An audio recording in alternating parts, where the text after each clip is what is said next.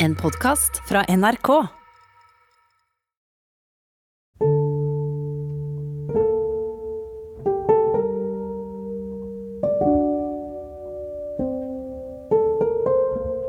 Vi forlot Ebba og Ari på Kalnes sykehus i Østfold. Aris helseproblemer hadde tiltatt i styrke. Først var det øreoperasjonen som hadde gitt ham tinnitus og redusert hørsel. Så var det neseoperasjonen som hadde gitt ham søvnproblemer. Og så hadde panikkangsten kommet, smerten i brystet, krampene og frykten for å dø. De ble over natta på sykehuset, men da morgenen kom, ble Ari utskrevet. Dette er fjerde del av denne fortellingen om Ari. Jeg heter Joakim Førsund.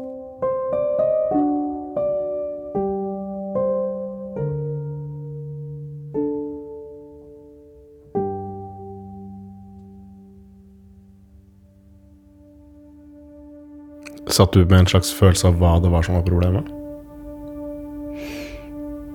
Uh, ja. Ari hadde kanskje en syke som ikke passa inn i den i å bli så kjent som han ble. Det har jeg tenkt på. Han passa på veldig mange måter, men skjørheten hans passa ikke. Og selvfølelsen i bånn passa ikke der. For han var redd for å ikke bli likt. Han var redd for å ikke bli likt, og redd for, ikke, og for å gjøre feil. Og når du blir da superstjerne, og alle vil ha deg Jeg tror alt av kritikk og alt av dårlige anmeldelser og alt av omtale som ikke var positivt, gikk rett inn. Man lata som om det ikke gjorde det. Det er nå juni i 2017, og det er ti måneder cirka siden skilsmissen fra prinsesse Märtha Louise ble kunngjort for offentligheten. Det er fortsatt nesten ingen som veit om Ari og Ebba, og derfor vender de tilbake til det lille, hemmelige livet sitt i Ebbas leilighet på Alexander Kiellands plass. Ebba drar på jobb hver morgen, Ari blir hjemme og maler og skriver, og snart begynner han i terapi for å komme panikkangsten i forkjøpet. Livet deres er ganske normalt, egentlig, men når sommervarmen kommer og folk strømmer til parkene like utafor, må Ebba og Ari bli der inne, i skjul, i den lille leiligheten. Så var vi så slitne begge to at vi eh, Jeg bestemte at vi skulle på spa og ta det helt med ro og slappe av langt ute i bushen. Så da bestilte vi hotell på Rømskog spa. Veldig fint sånn eh, økohotell som ligger på en måte helt på enden av et lite vann inne i skogen. Veldig rolig og stille. Så vi bestemmer oss for å dra dit for å slappe av og spise god mat og sove. Man kommer inn der, og så er det helt åpenbart at vi er kjærester, men Og så begynner man med en gang å tenke ok, hvor mange er det som ser oss nå? Hvor mange er det som tar bilder av oss nå? Eh, hvor mange tips er det som kommer inn nå?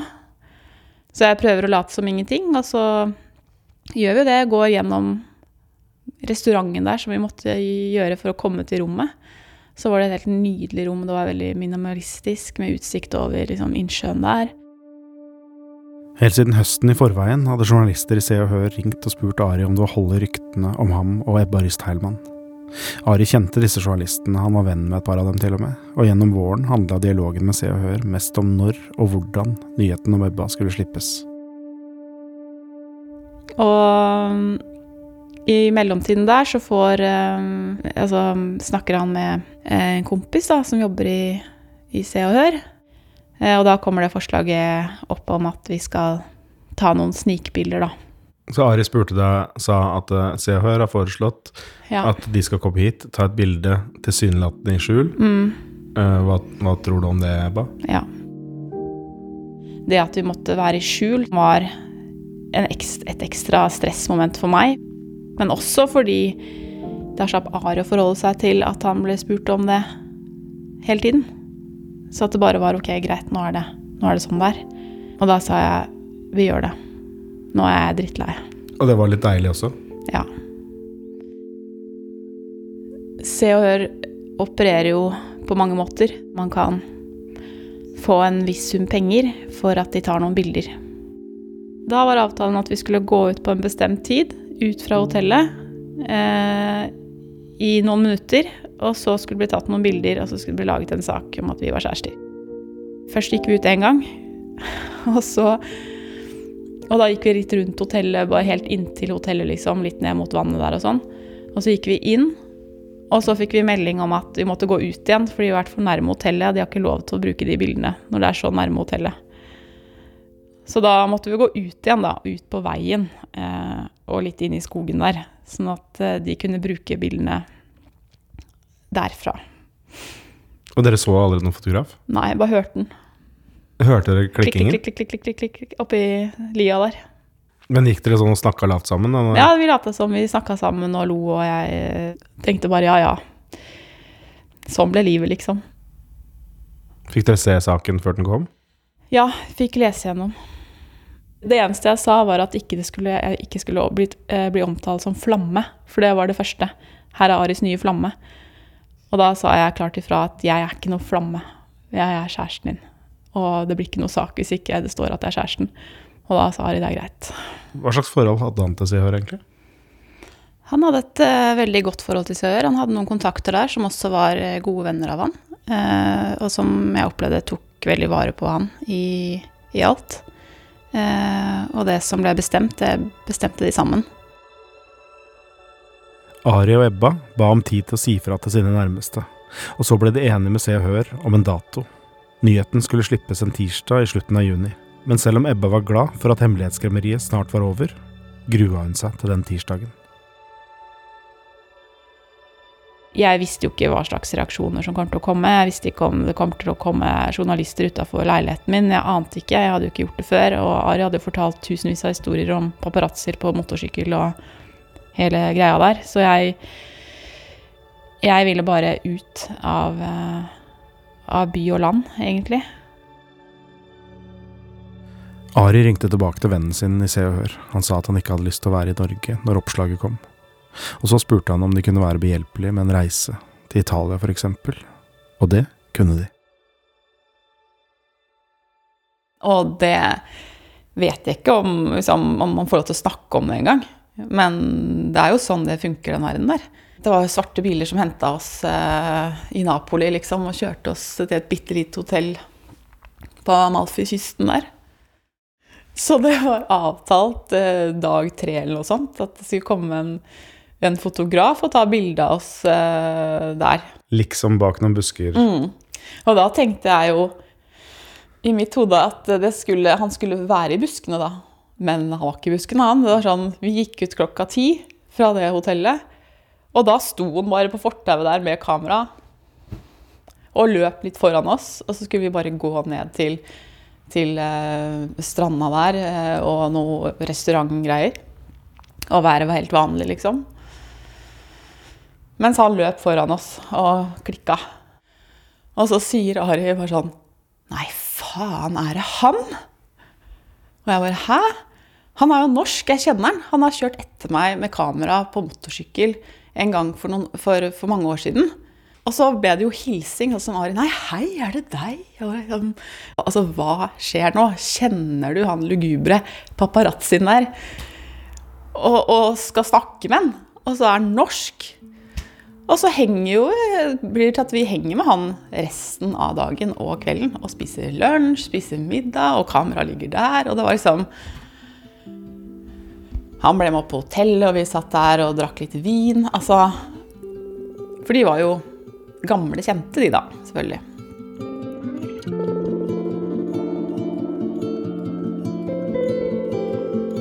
Tirsdagen denne uka våkna Norge til nyheten om Ebba og Ari. På forsida var de avbilda ruslende på en øde skogsvei, og overskriften lød 'Ebba er Aris nye kjæreste'. Og så gikk den dagen med masse meldinger fra For da begynte det å ringe fra morgenen av. Ja. Det var masse ubesvarte anrop. Det var eh, fra norske journalister, det var fra utenlandske journalister. Eh, som da ringte Ari la fra seg telefonen, for han orka ikke forholde seg til det. Og da var vi bare enige om at vi ikke skulle svare noe mer. Eh, og ikke besvare noen av de, bortsett fra de vi kjente, da. Dere kom jo også hjem til et eh, Norge som visste om deg, da. Mm. Hvordan var det da? Det var jo helt nydelig, for da Da slapp vi jo å skjule noen ting. Vi var litt mer på kino og sånne ting. Noen vanlige ting. Og så gikk det jo mye på, det gikk jo på hverdagen. Han var mer produktiv, da. Den sommeren og høsten stilte Ari ut bildene sine over hele landet. Han var til stede på hver eneste utstillingsåpning, han lot seg intervjue av lokale journalister, han konverserte ordførere, han skrev autografer og lot seg fotografere, og ved utgangen av 2017 var det bare den kjente kunstneren Pushwagner som solgte mer enn Ari i Norge. Og da det ble februar, ble Ari spurt om å være hovedutstiller under Kunst i Bergstaden på Røros. Bildene til Ari skulle stilles ut på hotellet i den uka hvor det var kunst i Bergstaden. Ari ville at jeg skulle være med hele uka, men det kunne ikke jeg fordi jeg måtte jo jobbe.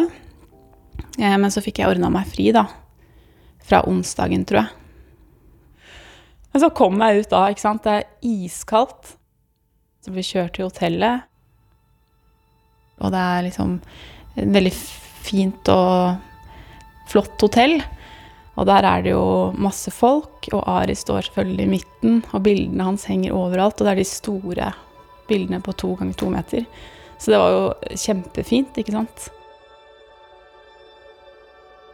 Og så var det jo alltid, for jeg er jo høy, så jeg syns jo overalt.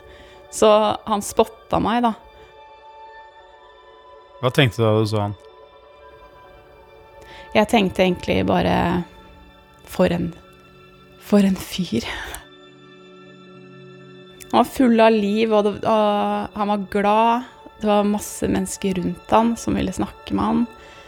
Eh, kunsten hans hang på veggene, ikke sant. Det er jo fantastisk. Det er jo et veldig fint hotell. Og det er bekmørkt ute. Det er varmt inne. Det var fyr i peisen, tror jeg. Eh, alle var bare sånn Det var sånn logrende stemning. Røros. Røros. Røros. Ja, du har fått kanskje litt eh, jeg sa Røros, men det er feil. Røros. Hva sier du da? Jeg sier Røros. Ja. ja okay. Hva slags eh, forventninger har du til oppholdet her? Ja, du ser jo det er utrolig mye folk, så det er veldig veldig hyggelig. Ja. Hva er, det du, hva er det du har med deg hit? Jeg har med meg Rø- Røros in my heart, som er et bilde spesiallaget for Røros. Hvordan ser du på den på, på Røros, da, det å være med og være en av hovedkunstnerne her? Den største ære jeg kan få. For meg er det som å komme på, faktisk for å bruke store ord, men det er sant, det er som å komme på landslaget. Og så blir jeg jo stolt, da, ikke sant? for han har venta på meg, da. Han klarte det så bra, da. Jeg hadde ikke sett, vært med på så mye, jeg hadde ikke sett han så mye i action, på en måte. Så da tenkte jeg liksom, ja, Ja, hva da? det er min mann.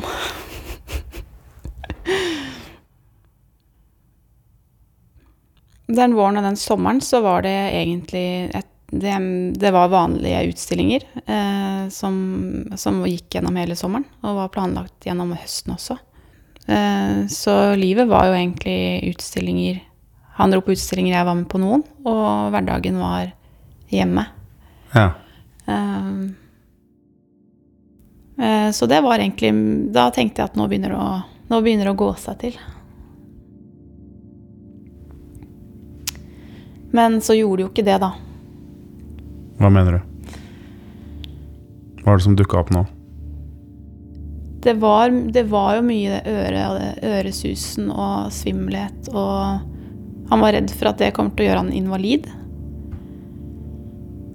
Eh, og redd for at han ikke kunne skrive og male mer. Han var altså livredd for at kroppen kunne svikte, og kjente på alt hele tiden. Jeg oppfattet i hvert fall at han følte på ting som ikke hadde vært noe problem før. Sånn at han hadde ikke hatt uh, vanskeligheter med å være ute blant folk før. Men det hadde han nå plutselig. Det som var gjennomgående, var jo at han grua seg til utstillingene. Ja. Eh, Så jeg måtte på en måte snakke han opp på at det kommer til å gå fint. Hva har han grua seg til? Han var redd for at han ikke var som han pleide. Så, så var han redd for at folk skulle se at han ikke hadde det bra. Ah, ja. Eller Hvordan, at han sleit med, sleit med seg sjøl. at, at han ikke greide å være Ari Behn? Ja. At han hadde mista det. Hva hvis jeg blir dårligere nå, da klarer jeg ikke det. Jeg kan ikke, Fysikken min kan ikke svikte, fordi da, da kan jeg ikke jobbe. Eh, jeg må jobbe, jeg må på utstillingene, jeg må, jeg må, jeg må. jeg må. Og så føler han at han ikke har kraft nok til det, da.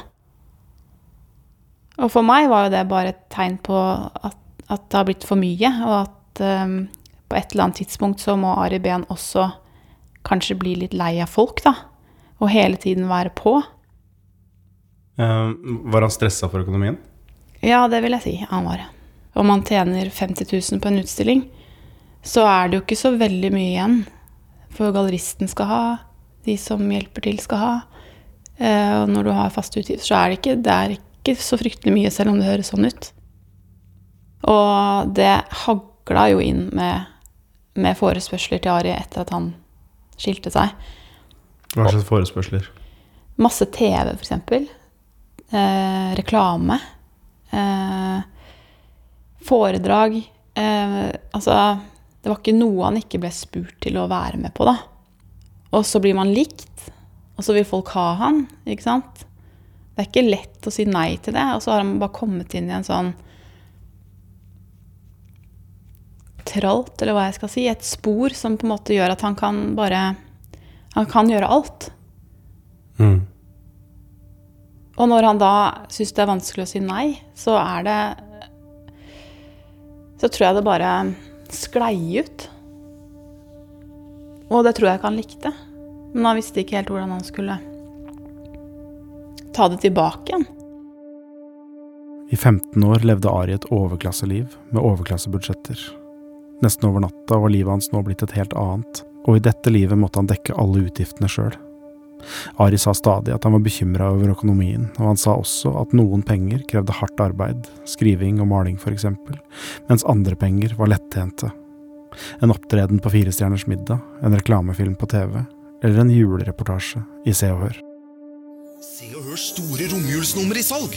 For første gang åpner Ari Behn dørene til sitt nye luksushjem. Bli med på ellevilt juleselskap. Ari flørtet og danset med Mia Gundersen og Katrine Moholt. Og ekstra med Se og Hør 32 siders kryssordblad. Se og Hør gjør romjulen gladere. Men så syns han jo det var litt gøy òg, da. ikke sant? Å være stjerna i, i produksjonen, på en måte. Uh, han likte alt rundt, og hvordan man gjorde det, og filmkameraer og sånn. Men resultatet ville han ikke ha, på en måte. Han kunne si at dette her er jo ikke sånn jeg vil være. Og jeg skulle aldri gjort det. Hva sa du da?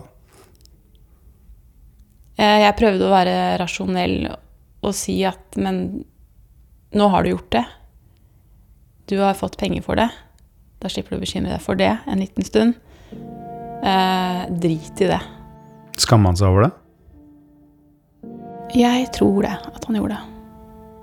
For det sto ikke Det sto ikke til kunsten. Og litt det litterære. Eh, han hadde jo tanker om hva en forfatter skulle være, hva en kunstner skulle være. Og en forfatter skulle ikke være med på Firestjerners middag?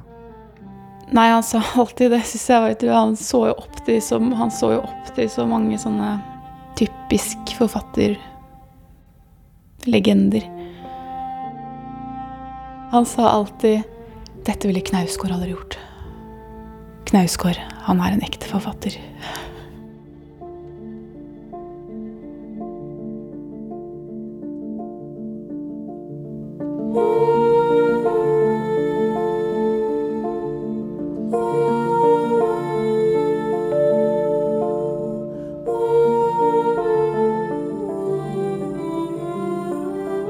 Dette var fjerde del av fortellingen om Ari. Denne podkasten er produsert av Monster for NRK og er laget av Sigurd Øygarden Fleten, Kine Jeanette Solberg og meg, Joakim Førsen. All musikk er komponert og spilt av Ola Kvernberg, og stemmen på avslutningssporet tilhører Kirsti Huke. Eksekutiv produsent i Monster er Vibeke Rolland, og vår redaktør i NRK er Miriam Minyares.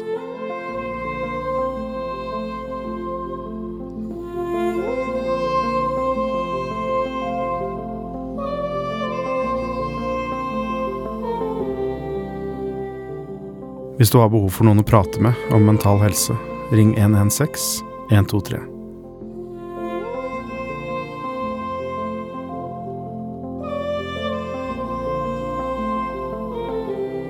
Du har hørt en podkast fra NRK. Hør flere podkaster og din NRK-kanal i appen NRK Radio.